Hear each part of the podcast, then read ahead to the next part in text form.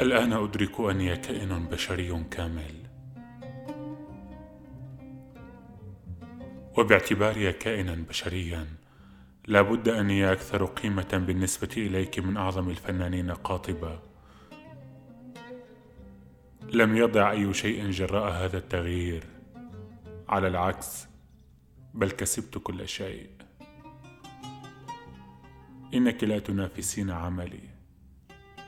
أنت لست الملهمة التي تمت التضحية بها. ما أشد حدة وعيي وامتناني لك لأنك اجترحت هذه المعجزة.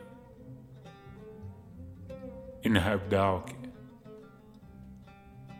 وهي إنسانية صرفة تم بلوغها عبر كفاح مرير. وما فعلت لا يقل عن أي عمل بطولي. لو كنت مجرد امرأة لفشلت. أنت فنانة. فنانة في الحياة. وأي تقريض يمكن أن أصفك به. أنا كنت فقط فنانا بالكلام. وفي الحياة كنت فاشلا بمرارة. كلمات كلمات.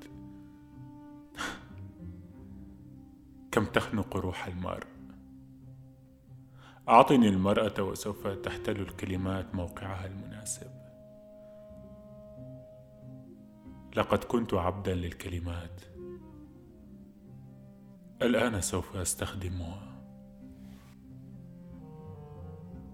أحيانا أعتقد أن مجيئي إلى هنا سوف تكون له هذه النتيجة بالذات.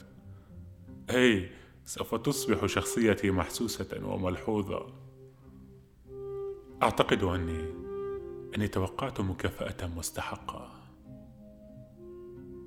أني حالما أقنع الناس بنزاهتي فأي شيء أفعله أو أقوله أي شيء أكتبه سوف يلقى الاستحسان. لا يمكن للناس أن يتجاهلوني وهم يعلمون من أنا يعرفون صدقي نزاهتي رصانتي. لم تعد لدي أي رغبة في لعب دور المهرج المتأذى المهمل. إنني أتوق إلى التمسك بالناس الوقوف أمامهم والتحدث معهم وإقناعهم أن الأمر لم يعد يتعلق بالأدب بل بحياتي حياتي معك. أشعر بهذا بقوة بحيث أني واثق من أنه يجب أن يحس. قد أصبح أشد بساطة بكثير. كل كلمة يجب أن تحترق. الكلمات مملوءة بدمي بولعي بك بنهمي للحياة بالمزيد من الحياة الحياة الأبدية. لقد منحتني حياة. أنت الشعلة التي تشتعل في داخلي. وأنا أنا حارس الشعلة. أنا أيضا لدي مهمة مقدسة.